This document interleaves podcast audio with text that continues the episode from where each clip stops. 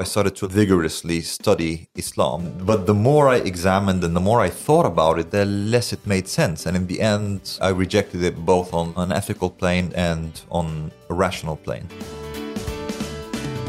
Unfiltered um, discussions with people just like think out what what they think and this is also very uncommon especially for men in group in sweden and this is something that i Yeah. got in trouble i don't know how much you know about like what happened with my previous job and so on because of the pod I know, uh, and, and we're. Um, I'd like to talk to you about it as course. well. Mm. We have, uh, but but I think I think Sista then is is I think it's a brilliant idea.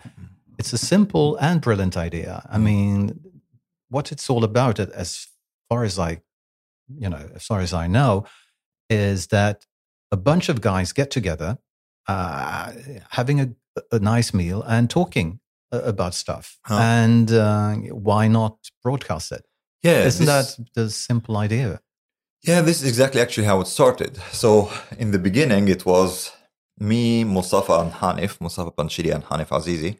We used to like meet up quite often for to have dinners at each other's places.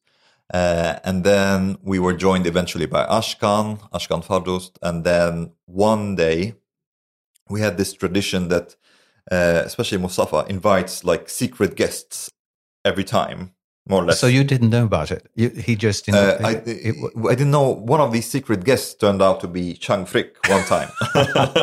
Okay. Uh, and we had before talked about the idea of um starting a podcast, right. uh, but then we happened to talk about this again while Chang was there. Uh, and the idea was basically we, when we meet up, we have this like usually we have this unfiltered conversation. We just like speak our minds about whether dating, women and relationships, politics, culture, society, migration, integration, all these issues, and we we really speak out, like I said, unfiltered, just like straight from the heart and the mind, so to speak. And we just like wondered, like, okay, what would happen if we just record these conversations and release them? Is like, and Who came up with the idea? Do you remember? um, actually, I can't remember. It might have been me or or Mustafa. I can't remember exactly. I came up with the name though. Oh, you Uh, did. Yes, the Last Supper. Uh, Being a, being a good Christian, you automatically, of course, thought of that. Yeah, exactly. I was like thinking like, well, if we release these conversations, which are like kind of like dinner conversations, it will be our last supper because it will be con- so controversial that one of us will be crucified every time. Yeah. and that will be the end of it. Um, And it's not that difficult to be considered as controversial in, in Sweden, Mm. right? It's It's actually, uh, yeah. If you think about it, it's actually pretty. It's it's somewhat almost absurd because people here in Sweden, first of all, uh, they care, I think, too much about the way you say something. Sometimes even more about what you're exactly saying. You know, Exactly. uh, like sometimes you can say the exact same thing, and they tell, yeah, but the language jargongen, like you know that that you were like the jargon that you were using, the way you were speaking, and you're like, but that's like very subjective, and like shouldn't you pay more attention to what actually was exact- said? Yeah. As- uh, so that's that's one thing. Another thing, maybe you, I don't know if you would agree with me, but at least my impression is that Sweden, even though if it's a if it's a society that says that they're aspiring towards gender equality, for me they seem to be aspiring more toward towards something that I, I call gender relativism.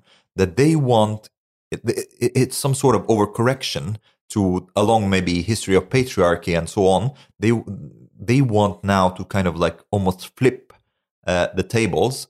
That they want to allow more space and um, uh, basically that, that women will be allowed to say and do things that men should not be allowed to say and do. So, for example, a group of women publicly gathering, and there are a lot of podcasts about this, like gathering to talk about their sexual experiences. Uh, that's like something, you know, empowering, progressive, and so on.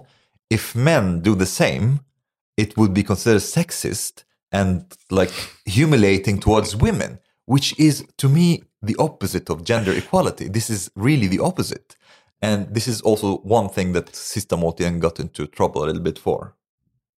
Oh, b- talking about sexual sexual Mm. um, experiences. Uh, talking about sexual experiences, talking about sex, talking about women in Mhm. general. Mm. Like we get this like uh, from some people, like you know, you're supposed to talk with women, not about women. And I'm like, do you understand? Like if we flip this around and I tell women who are talking about men, you're supposed to talk with men, not about men. You're not supposed to gather with your like girlfriends and talk about men. Now that's actually sexist. It it is an imbalance. I agree. Uh. Uh, it's it's. Uh, I- I know this this might come as a shock to to some people, but but uh, women talk about men a lot, and guys talk about girls a lot. Yeah.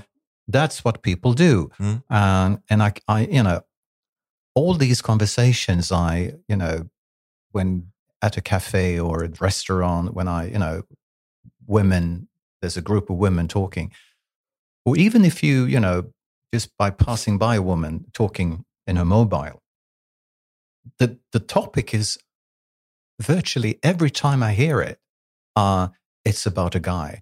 What did this, this guy really think? Why did he do like this? Why, what, what do you think?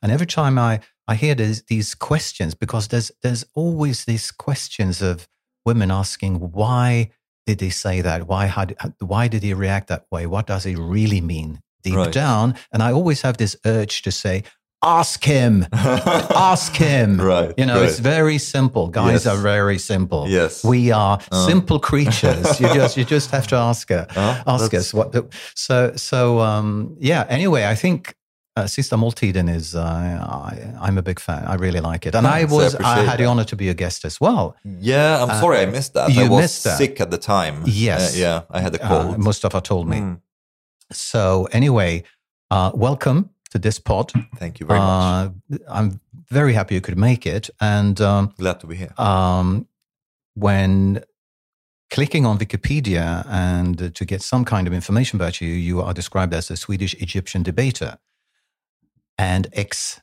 Muslim. Mhm. Uh, I'd like to get back to the ex Muslim part because I, I have a few questions about that. Absolutely. Um, and it, it, it, it's, it's uh, uh, also uh, it's an important issue. Um, and um, between t- 2017 and 21, you used to work for GAPF, Oh. uh, which is Glöm Aldrig Pela and Fadime.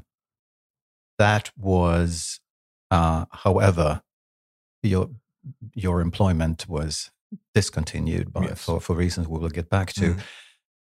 Can't really help mentioning another thing. When I was a guest, and this is uh, this is very silly of me, of course, to mention, but uh, I, I can't help doing it because you uh, there was I was very happy that my uh, uh, being a guest of the show that was uh, apparently a, a success. People were very pleased, and I had saw the, some of the reactions on on Twitter.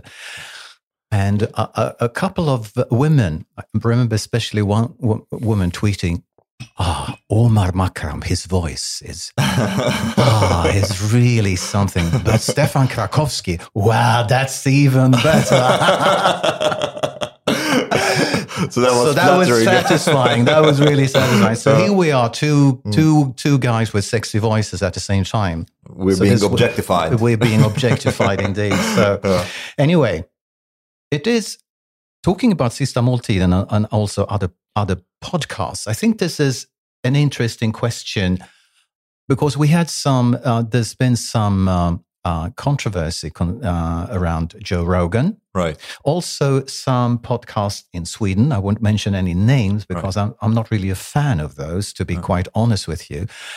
But it has to do with the responsibility of the pod, the podcaster Right. by inviting so-called controversial guests. Right. And it, it's, I think, it's an interesting question because, on the one hand, I mean, one of one of your guests was the party leader of Nyans, which is a uh, um, a party. I don't know if you call it Muslim oriented or what. You, I, I'm trying to find some nice. Uh, I actually have not really no. found like um, because some people call it an Islamist party, yes. uh, and I'm also sure that that's a, that's a matter of like nuance. it is. It is indeed. Yeah. Anyway, so the, we won't go no, into that uh, no. uh, too deeply because mm-hmm. my uh, the men- the reason why I'm mentioning it is simply if you invite a controversial guest, right? I think it, you have a responsibility to to ask critical questions, right? Because we had some, you know, some examples of of uh, both not not only Joe Rogan, but if we stick to Sweden, we had some examples of, of, of podcasters inviting guests, right? Uh, in some cases, openly racist, right? Uh, and uh, they are, are not, you know, they just they can keep on talking. There's no critical questions. The podcaster has, hasn't got a clue, uh, you know, about the subject. Do you think this is a, a, danger? Could be a danger because I'm all for you know freedom of speech. Mm. I, I I welcome the idea of inviting all kind of guests. I do it myself, mm-hmm. uh, but I think when is a so-called controversial guest with with views that might be a bit off, mm. you know. Uh, uh, okay, that's a, that's a complicated question, and I, I go back and forth in how I think about it. But but the thing is, like with the format of Sista Måltiden, uh, it's um, like I said, it was uh, more as a casual dinner conversation. So we try actually to convey this feeling in the podcast, like how you like imagine that person actually showing up at the dinner and you're having conversation. So already our mindset is more in that sphere mm-hmm. rather than okay, we are have a how to say a journalistic responsibility now right. to try to like really um, reveal things about that person and tackle him in this way. So that is one thing that maybe some sometimes, at least for for our format, Sista Måltiden, that people miss. Uh, and then one other thing is that it's the podcast is motivated for the most part by our own interests. Uh, so we we don't even coordinate with each other that much. So we're inviting a guest. So I have some thoughts that I want to really um, tackle or discuss with that guest, and I bring them up. Uh, another person, another member of the podcast has their own thoughts that want to bring them up, and so on. Uh, so it's really motivated by what we individually are interested in, and in that sense, since since like it's also like for the mm, yeah like uh, paid content as well. Um, it's it, people who support us are people who are interested in what we are interested in. Mm. We try not to make it the other way around. We don't try to see what other people interested in and do it to appease them. Right. We do what we want, of course. What, what, we're really passionate about. Yes. And if people like it, they can support it. This kind of like is our mindset. Right. But I but I I get your point, but um, I'm I'm not sure I totally agree uh, and the thing is also, for example, another guest that uh, was somewhat controversial. I don't know if you listened to this episode, Anas Khalifa. Uh, yes. He's a, he's an ex Salafist and so on. Yeah. And um, we, for the most part, he has a, like a very interesting story. This is why we really wanted to listen to his story. And uh, some people criticized us criticized us for giving him a lot of space where he talked. But in a sense, also like him talking that much about his history and what he has been doing and so on it's revealing in itself to the listener. They can also make up their own opinion like for example or they can say well there is a horrible history for example what what mm. this guy has done and so on.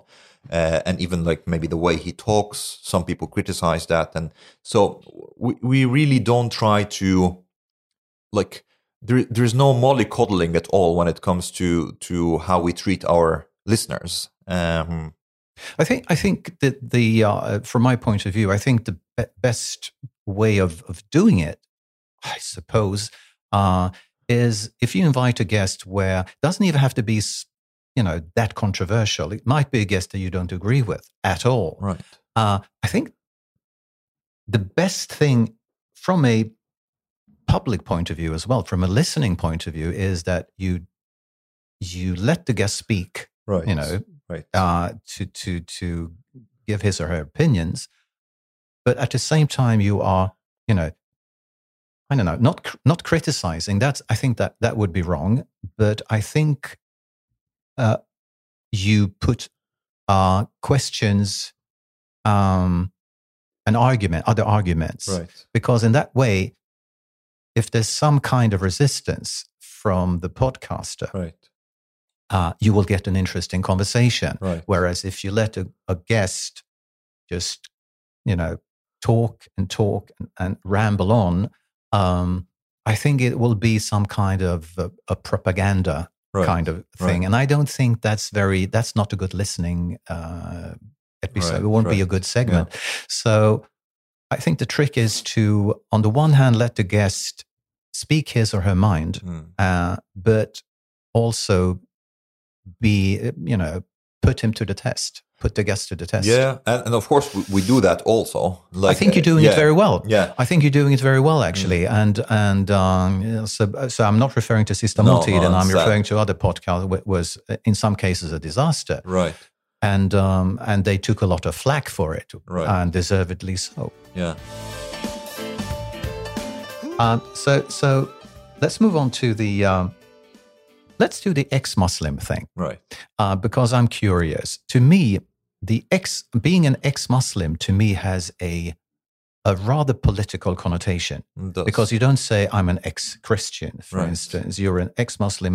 To me, I associate it with a standpoint, a active choice right. in life. Right. Is is that correct? Would you That say? is definitely correct, and that has to do both with the history uh, when it comes to Islam and and how Islam treated apostates, but also with the current um, situation for people who leave Islam. They are in- in almost all Muslim majority countries, people who leave Islam or criticize Islam openly uh, are being persecuted, or um, they can go to prison, or or in some places like they can have they can be hacked on the streets, like Bangladesh or Pakistan, and so on. Um, so, in that sense, um, saying ex-Muslim rather than um, just an atheist now or something like that is, Mm. like you pointed out, more of a political uh, and, in a sense, cultural statement also. I know your personal history. I um, uh, know that you were brought up in a rather in a religious surrounding a family. Yes, very much Um, so. And uh, and you were a devout Muslim once upon a time. Absolutely. For for the still for the majority of my life so far. Yeah, yeah, yeah. And then something happened in a cafe Yes. in Cairo. yes. What happened? Well, but but that also like what happened in in Cairo uh, in that cafe was after I had left Islam. So there was a process like during which basically because most people who who are religious, um, definitely the case for Muslims as well, is that most people take religion out of inheritance rather out of, than than out of conviction.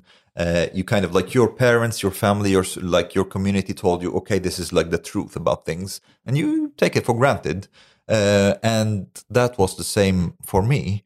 And it's like uh, it's a bit like funny that I think that it's in a sense my father who who made me leave Islam or made me an atheist because my parents had sent me to like private schools where everything was taught in English and the my father encouraged me to to read a lot uh, and and you get exposed exposed then to let's say intellectual produce that is outside of your culture. Kind of broadens your horizon a little bit um, and kind of like I, I started to like maybe develop like some critical thinking and I wanted at some point to make my own um, understanding of of my religion. Uh, so I started to like vigorously study Islam, the scripture, the history of Islam, and so on. And it's it's funny that I started actually to do that out of wanting to strengthen my faith. and but the more I examined and the more I thought about it, the the less it made sense. And in the end, I, I rejected it both on like ethical, an ethical plane, and and on on a rational plane. And then I I left. This was like a, a process of like um, three years, Mm. uh, perhaps. Um, and and then I I was not actually that open about it at all. I was not active on like social. I didn't tell my family. Did not know. No, but not many people really knew at all. And then I had like, depending on how you see it, misfortune or now, uh, based on how things have ended, it's it it has been like a blessing in disguise in a way this incident at the cafe in Cairo. So basically, I was there with a friend, and we were talking about yeah Islam, and it, it was like um, uh, you know when when you have when you have recently converted or deconverted, you are very passionate about Yeah. about your views, and and I remember I was like really talking very passionately uh, about my views about Islam, about Allah, about Muhammad, and so on, in a very uh, some people maybe would, would think is vulgar, uh, perhaps or offensive, uh, and so on. And in in Egypt, I don't know if you've been to somewhere in the Middle East. I have. Yes, I have, you have. yeah. yeah. So uh, we are very loud, generally speaking, even in public places.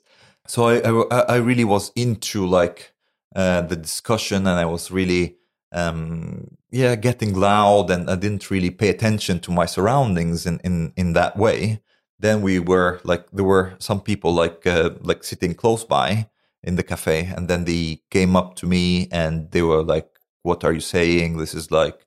Blasphemy. blasphemy and and so on and we got into some kind of ver- verbal altercation and then they this was this cafe also was close to where i work and then they were like yeah we have seen you around here and and so on and like so it was a very threatening vibe so to speak and the thing is ironically one of the things that contributed to this uh, feeling of freedom that this was also in, in the period after the revolution in Egypt. We had a lot of like aspirations, like now it's like a new era.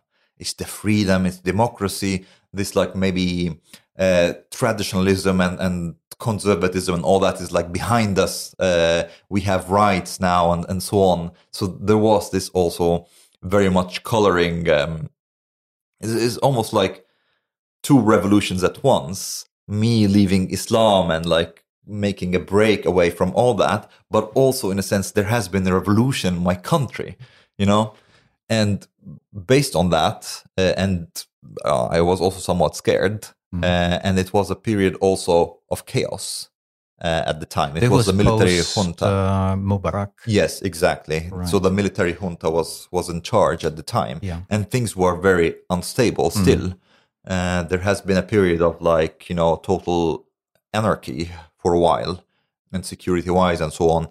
And the thing is, there is actually a lot of in- antipathy between like the police and Islamists in Egypt.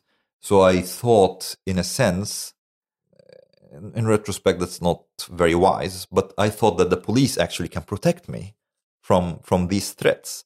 So yeah, I I went to like basically seek help from the police, and I was not actually aware because I was not an activist. Like when it comes to like being an ex- outspoken ex-Muslim and so on, so I was not really aware of like persecution of people who criticize Islam in Egypt. Then again, and there weren't many people who do that, but um, but I was not really aware. I didn't factor it in.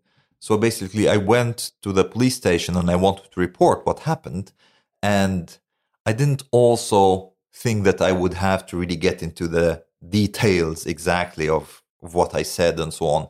But then when I did, like um, basically the, the the police officer over there, he he get like provoked by what I have said, and and they basically threatened me instead because we have this uh, what's called contempt of religion law in Egypt, which is very loosely interpreted. Like there have been people who went to prison for putting like their uh, religious status on uh, religious views on on Facebook atheist because this can be interpreted by a judge as an act of contempt of religion.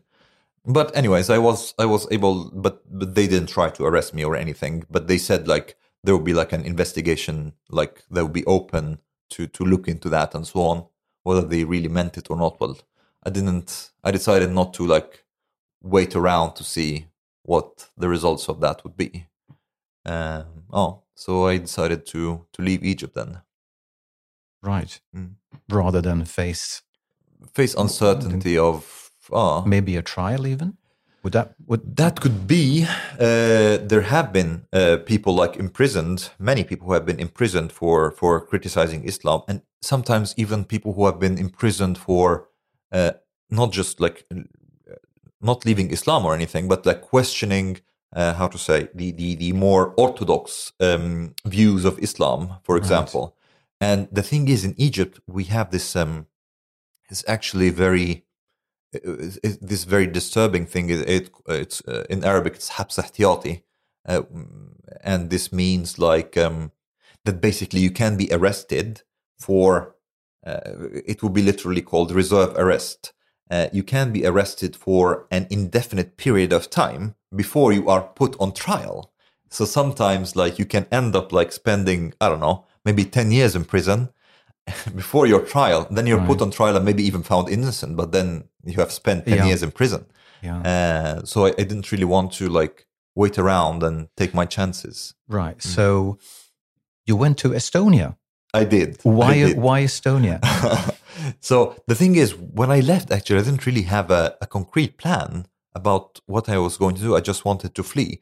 And then I, okay, I, I, I started to look into some parameters to what could make a good country in the Schengen area. Uh, because the thing is, I used to travel also back and forth quite often for like tourism and like the, the company that I was working for at the time also had a head office in, in Hamburg and in Germany and I've been there. And mm-hmm. so that also made it easier for me to like leave eventually. And then I was like, okay, what country in the Schengen area could be suitable for me to like be there for a while until I figure out what I'm going to do? And I looked into like several parameters. One of them that I would be able to like get by relatively easily speaking English. Uh, Estonia, Estonians actually, all of them can speak English, especially among young people, uh, which is like a bit different from other Eastern European countries relatively cheap. Mm-hmm. Uh, so it is like compared to Western countries, mm-hmm. much cheaper. And also, I like that Estonians are the most atheist people in Europe. that yeah. that I found it like interesting fact. I was like, oh, that's a that's a that could be a good place for me now. And you convert like myself. And one thing that I was interested in that they had like a really low sex ratio they had more women than men. Ah, I, I suspected as much. I, I, suspected there were those kind of motives. Yes, that was there as well. So I was like, okay, let's let's go for Estonia uh, and see how it how it uh, works out. And did you manage to to find a job in Estonia? Uh, no, actually not. So I was like living. I had like a really good job back in Egypt. What did uh, you I was do? Look, I was the operations manager of like one of Egypt's like biggest shipping companies. Oh, okay. Uh, so I, I, was really like well off financially. Uh, so for the most part, I was living off my savings basically. I see. Um, and then I also I met a met a girl, an Estonian girl, and she yeah we she became my girlfriend. She, and this is like there is an ironic like uh, plot twist there.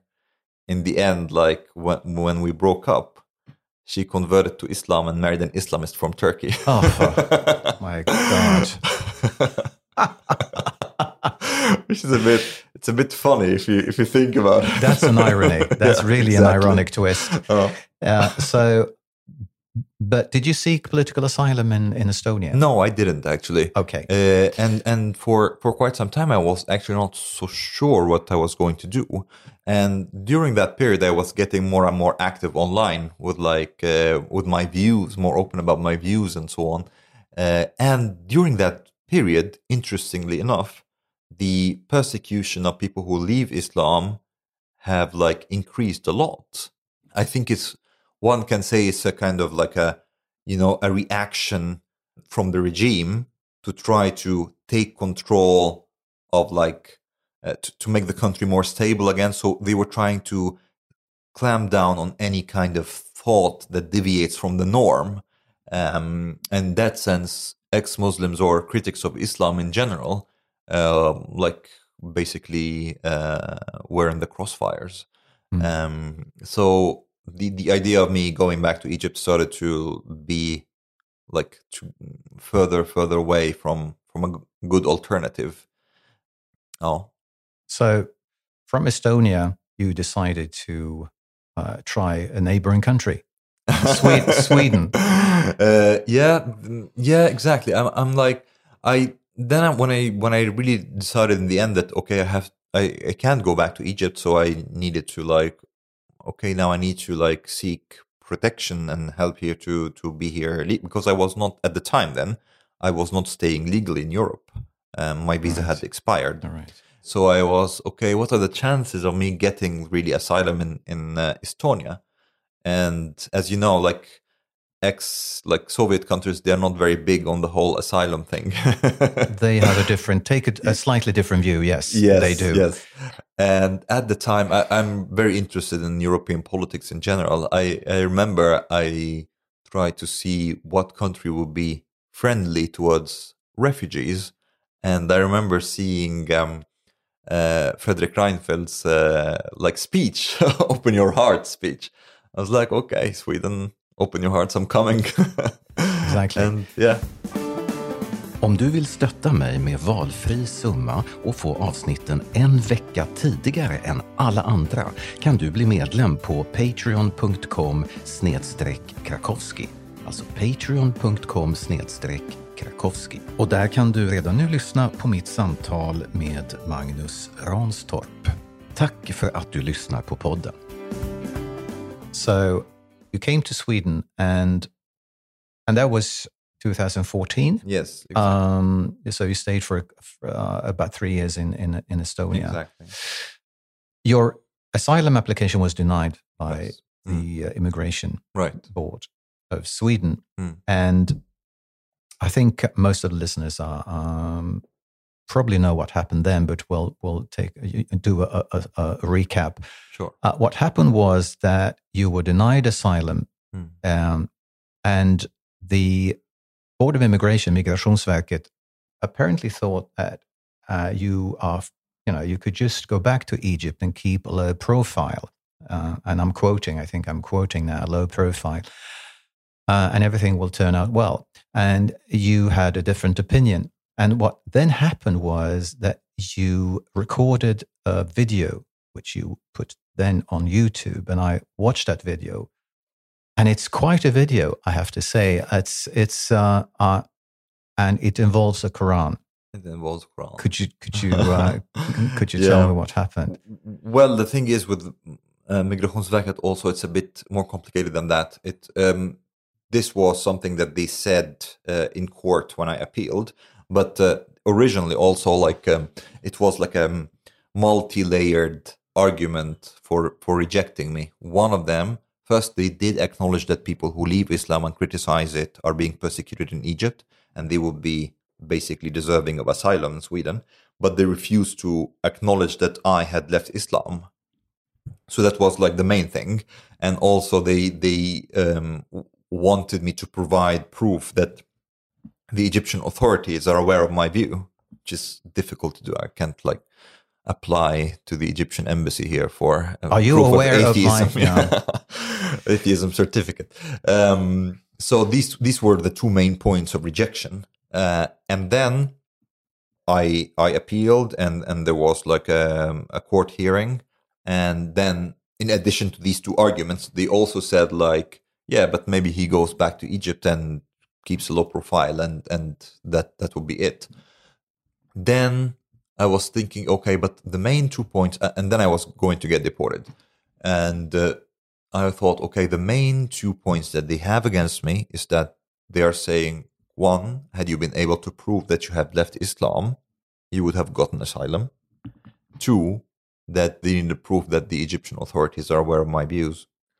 And I was like, okay, how can I prove to them that I had left Islam? What is the one thing that no Muslim would ever do? And some people say, well, you can drink alcohol or eat pork. And I was like, well, there are Muslims who do that as well. Uh, that is not it. Um, so I decided to make a video where I talked about my views on Islam, talked about my case, talked about the case of ex Muslims in Muslim majority countries, the regime in Egypt, and the case with uh, the migration agency, and so on. And I thought, okay, what is the one thing that no Muslim would ever do? And that would be to desecrate the Quran. So what I did is that uh, on video I had like a um, a copy of the Quran. I I spat on it, tore it apart, like stomped on it, and then set it on fire. And uh, to me, that was basically the proof that I had left. And then I uh, showed this video to some of my friends here in Sweden who are aware of my case. And then they were like, "Oh shit." Yeah, well, maybe you'll get asylum, but we don't know if you will live long enough to enjoy it. Yeah. Uh, and they suggested first that maybe I, th- I send it to uh, the migration agency uh, privately Mm. uh, to make them understand that, you know, my views are genuine and so on, and this is serious, which I did first. And, and then it was like, the, for some reason, they couldn't open the link that I sent them, and they asked me to like send it on a USB flash drive, and then they lost it, and it was like a mess. Then I put it on YouTube, but unlisted, so only people who I give them, whom I give them the link, can see the video. then they rejected it, uh, uh, and decision it was because it had too few views. And then I was like, okay, I have to. You're like really forcing my hand here. And Then, I, then I went public with it, and then it got a lot of attention, uh, relatively speaking. Um, and then one thing that was also interesting that after that video, I I got a lot of like reach out from people who left Islam, uh, both here in Sweden and in other Muslim majority countries, people who are like uh, living in the closet and so on uh, when it comes to their views. And it was an interesting, um, almost like rallying cry in a way. And then a lot of people also were interested, like what happened, why did I leave, and so on. So I made another video where I talked about that, which got even more views than the Quran video, which was surprising to me. Oh, and then I wrote some articles here in Sweden as well that were were published here in Sweden. And in the end, um, after three years, I I got my asylum. So um, when watching the video, I, I my my reaction was what what a brave man, uh, because it takes a lot of guts. I mean, you could have you know the the Migrationsverket could you know they could have easily said, well, I we still think there's no grounds for granting you asylum. Right, what right. what you have done? Then you were really out on a limb, Right, to, to put put it mildly right, right. uh, risking everything, uh, including your life, uh, basically, and uh, you would still you were still facing a possible denial. Right. Yeah. I, I remember my thought process at the time actually, but um and I have to say, even though that thought maybe was in the background, but I almost had like, you know, some kind of like tunnel vision that I have to win this. I I was not like I, it was like really like that. I, I did not think about. I didn't spend a lot of time pondering about other things. I'm like, no, I will get it, uh, and this is basically what was on my mind. Um, and it was more like, well, if I don't, then we will take it from there, kind of Mm. uh, attitude. Uh, anyway, uh, you were granted asylum, and um, talking about the Quran and, and Islam, which is of course a, a uh, to many a sensitive uh, topic, but I I read somewhere that, and I'm touching on a subject or a couple of subjects now to that I think you also talked about in your uh, podcast, uh, namely homophobia and anti-Semitism. right, And I, I know that you, you, I think you wrote this, and I'm, I'm quoting now in, in, in Swedish. Jag minns att jag fick lära mig Muhammeds ord. Den yttersta dagen infinner sig inte om muslimerna inte har bekämpat judarna och dödat dem.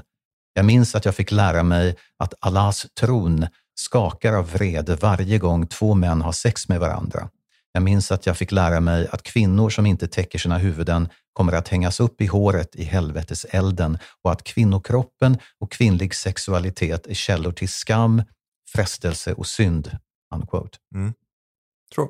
That's that's quite a, a, a, lesson to to uh, teach to a, to a kid.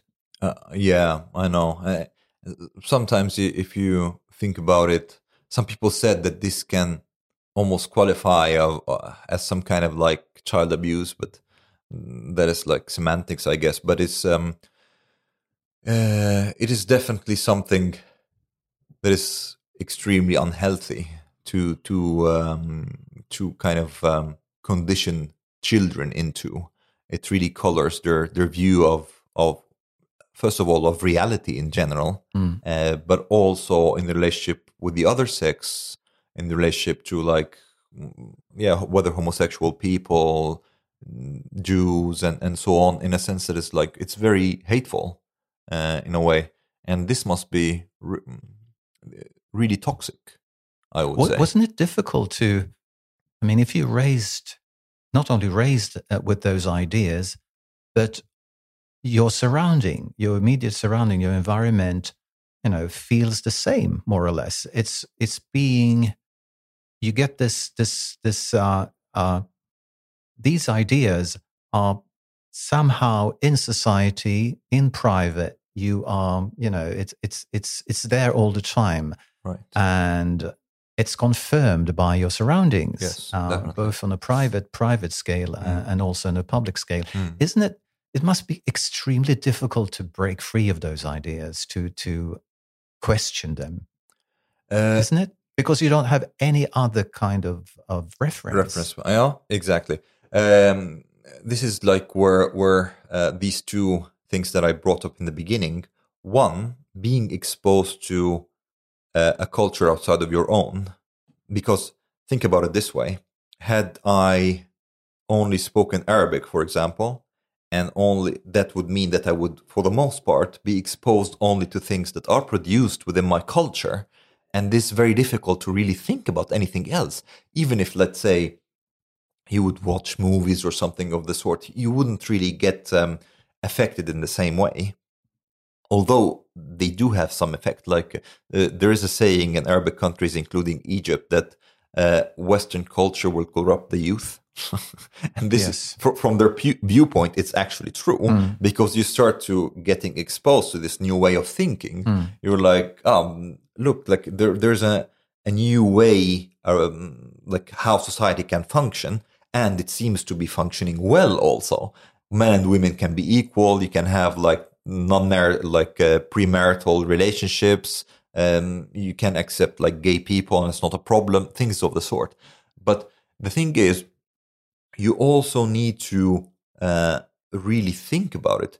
And this is like uh, when i said that most people just like inherit this most people don't really think about it uh, for the most part.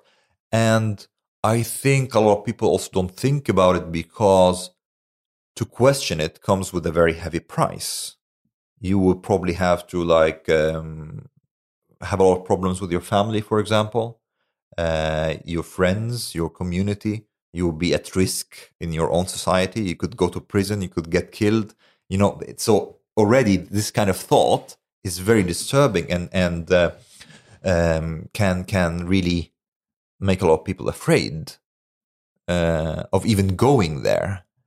Um, Would would someone, you know, would someone stand out saying that I, I don't believe in those ideas about the Jews and homosexual? I think they are are like any other people. They have the same should have the same rights. They they would that sort of create a um, some kind of uh, violent reaction, or would that would you be um, it- ostracized? would you be? Yes, you, you would be. You would be definitely. Um, because here the the thing is the thing with Islam, for the vast majority of Muslims at least, that they have a, a very special relationship to the scripture that is somewhat different from that let's say Christians have to the Bible.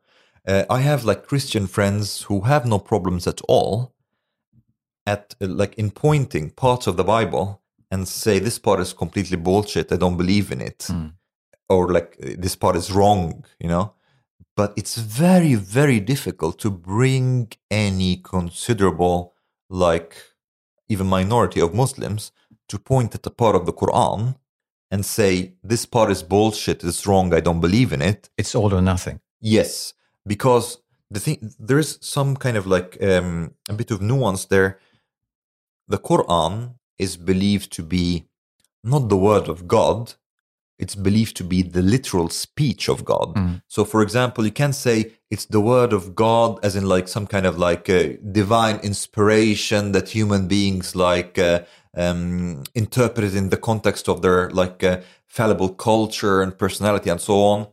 No, that's not it. This is word for word the literal speech of Allah, which sent this as the perfect and last message for humanity. Mm.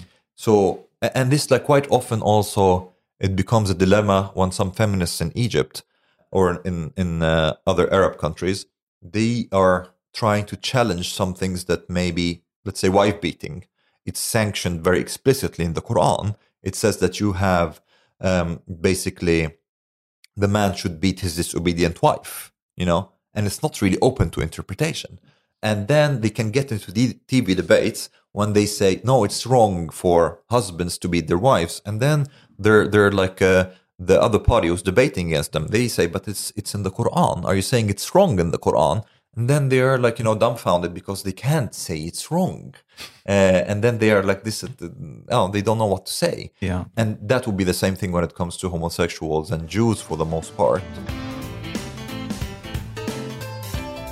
So I, I, you asked me if I uh, was in the Middle East. Yeah. The Middle East. I, I actually many years ago, I, I uh, for a short while, I worked in Abu Dhabi and Persian Gulf Mm. um, uh, in a in a hospital, um, and I was. It, it was quite an experience, I have to say, because I encountered overt racism in a way that I really, I was quite shocked. I remember arriving the first day. I was, uh, it was in the middle of the summer. It was really, really hot, about 42, 43 degrees. And it was this El Ain, which is the second largest city in Abu Dhabi. It wasn't even the, the capital, which is by the sea. So I wind up in this really, really uh, small town. And I was shown around the first on the, my first day in the hospital, and I, the, the guy from the hospital administration says, uh, "Well, doctor, this is a white hospital," uh, and he looked very pleased saying that. And I thought he was referring to the facade, the white facade Right. of the hospital.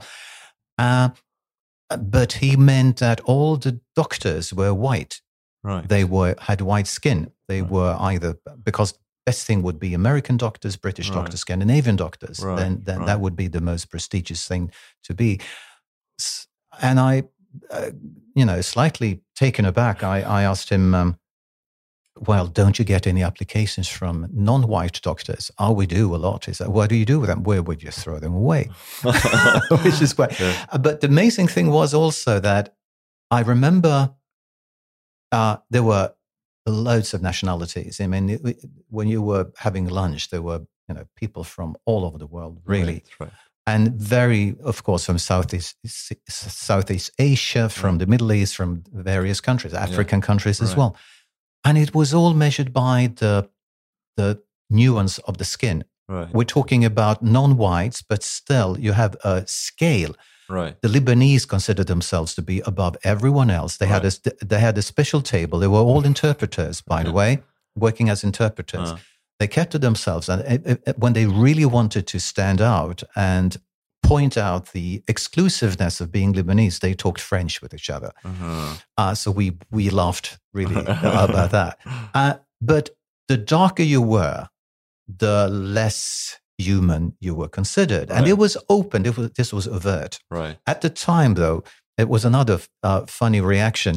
This was the time of the Monica Lewinsky scandal with Right. Bill Clinton. You remember that? Yeah, I um, remember. You know, the the the the, um, the girl who was um, uh, in the White House, Yes. um, intern in the White House, Yeah. and had an affair with Bill Clinton. And this was, you know, exploding Mm. uh, all over the world, of Mhm. course. And the reaction from the Abu Dhabi, the locals, uh, and from people there was number one, he's a man. What's the big deal? Right. And the number two reaction was, it's obvious Monica Lewinsky is a Mossad agent and she's in the White House because she will extract information and convey it to the Israelis. right. Big deal. We know Yeah. all about that sort of thing. So it was, it was quite an experience. But the thing is, you know, I used to write an article about anti- not specifically anti-Semitism, but I, I was talking about racism. It was really another discussion, but I mentioned that Mein Kampf, uh, Hitler's famous bestseller, Mm. uh, is a it was actually a bestseller in countries like Egypt and Turkey. Yeah. It, it, it sells very well. I'm not surprised. Why why do you think that is? Um, well, it's a anti-Semitism in the Middle East is, is a bit complex, but it, it has mostly to do with both culture and religion. Hmm. Uh, so there's definitely a lot a lot of anti-Semitism in Islam in the scripture, uh, and in the history in a way, including this like prophecy that you that you quoted that I was talking about, but also the Arab-Israeli conflict. It really colors um, the the view of Jews uh, in the in the Middle East, uh, and and people like they don't for the most part also like see any difference between Israelis and Jews, for Mhm. example. So even like a Jewish person from you know from the U.S. or from even Europe or, or anywhere would be seen in the in the same uh, with the same lens Right. uh, lens. Um, so that's that's one thing, um, and it's also there is a lot of like state propaganda. Like I remember, for example, like, when I did like some uh, military training um, or like basic military training, the the thing that we mm, like a motto that that the military was repeating La ilaha illallah Muhammad Rasulullah El Yahud Ada Allah uh, and this means like there, there's no God but Allah Muhammad is his prophet and the Jews are Allah's enemy. So this is something that we're basically we had to repeat. It's a uh, uh while training. And and there's a lot of like anti-Semitism in the media and, and so on so in that sense it's not yeah it's not surprising at all Right. Mm. I just want to, um, um, we're running out of time, but uh, I, w- let's get back to the, uh, I was, you know, your future plan. I was about to ask you about your future plans. What, what are you doing nowadays? And I also want to talk about GAPF before we, we, Right, um, we right. finish. Uh, but uh, uh, let's start with GAPF, you know, come to Yeah. think of it, because um, glöm aldrig Fadime, Pela and Fadime. Mm. So you worked there for a, for a, a couple of years, and uh, I, I'm familiar with the organization. It is uh, working against um, honor culture and oppression. and, and oppression. Um, I know that you were more or less forced to resign. Mm. Something happened, Yes. and it had to do with your podcast system. Yes. Yes, it does. Yeah. So so I have been uh, before I had been working in GAPF. Well, I think we started 2007, uh, like basically as soon as I got my residence permit, more or less. Uh, they worked uh, there for several years, and I really in, enjoyed my job, and uh, I tried to contribute into like to, to the fight against honor, violence, and oppression as much as I could, and also a part of like my motivation to do that was because I care a lot about freedom to be free to to to do whatever I want or like for people to do whatever they want to associate with with whomever they want to speak their mind and so on so like um, after after we started the pod um, there are some things that uh, people in, in, in the board in GAP started to have like some uh, reservations about the things that are being said in the pod. Mostly actually things that I it's not me who said uh, who said them. It's mostly things that Chang Frick has said in the pod. Uh, so it's like there's the, there's this bit guilt guilt by association thing Right. and a couple of uh, of things that I have said also that has mostly to do with sex. Um, that also people like uh, people in the board thought it was uh, o- Inappro- objectionable. inappropriate. Yeah, yeah. And uh, yeah, in the end, I was basically forced to leave. Yes, So uh, it was those two factors. It was Chang Frick yes, and it was sex. yes. No sex and no Chang Frick. well, at, at least like the way that I was, like for example, that when I was talking about how I lost my virginity, and I mentioned that uh, the girl like put the condom on my dick with her mouth, for example, that this was something that they considered to be humiliating to women, even though it was a consensual act. So it's, that's a bit strange for me. But mm, this brings us back to what I was saying that here in Sweden, men expressing or like talking about sex openly is considered something problematic. I th- yes, I think it, I I think it is. Um, but it seems to me that uh, forcing you to to resign because of uh, you know describing a sexual experience to me is uh, uh, quite narrow-minded. Um, it's uh, I, I don't know. Uh, Chang Frick is a so-called controversial person. I, I'm a bit surprised he is. I, I don't find, you know, it it also has to do. I think what we talked about in the beginning. I think it really has to do with the way he's saying things Right. rather than the, the what content. he's actually saying. Yeah, um, I agree. but anyway, so you you had to resign, or did you did you were you left with a choice? Either you resign from Sista Måltiden uh, or you resign from GAPF. well, it's, the interesting thing Was is it any kind of ultimatum? Yeah, in the beginning there was, and then I kind of like uh, I found myself in a dilemma because freedom is, is like I said, it's very important for me, and it's the whole reason why actually uh, I have asylum here in Sweden. Hmm. Um, so the idea of me letting go of that freedom of, or compromising on it, eh, it was really something difficult for me to accept. But I also really loved my job, so I couldn't really. eh, It was an inner conflict that I was not really able to choose, and I was told that I could take my time to decide as as long as I pause with the with the pod. So it was an ultimatum. Yes, in You the had beginning. two yes choices, really. in the beginning, and then I paused with the pod, and then I don't know what exactly happened. They they basically they started to like in the end decided to like no, we will get rid of him anyways. Oh, I see. Um, so in the end, there was no choice really. so, what do you do nowadays?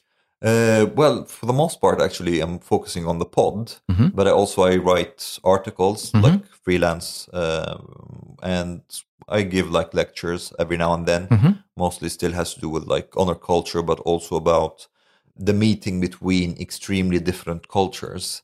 Uh, I always try to like um, use this like uh, comparative analysis between Egypt, uh, the Middle East, and Sweden, which are really the complete opposites of one another, and um, it can be beneficial when you're trying to analyze things in Sweden, especially with when it comes to migration and integration and so on. Hmm. How do you see the the future of Sweden? Uh, well, that, that- that's a bit. It's a bit complex. I'm. I'm actually. I'm afraid that that um, we have have basically reached a point where it's very difficult not to have uh, long term ethnic and cultural tension for uh, some time to come. Uh, unfortunately, I think Sweden has taken in so many people from from cultures that are basically the extreme opposite of the Swedish culture, which is make it which makes it a very difficult. Um, and they took them in in volumes that far exceeded the country's capacity to integrate them. And I think now it's twenty percent of the Swedish population is born abroad. This is like a that's a huge percentage and can be destabilizing to to any country really. And now we have all these problems with like in the suburbs and all these like uh. Um, so I think at least in the near to uh, to medium term, things will be quite turbulent uh, in Sweden. But that's no reason to to give up really. Okay. Omar Makram, thank you very much for joining me. Thank you It was a having me. pleasure having you.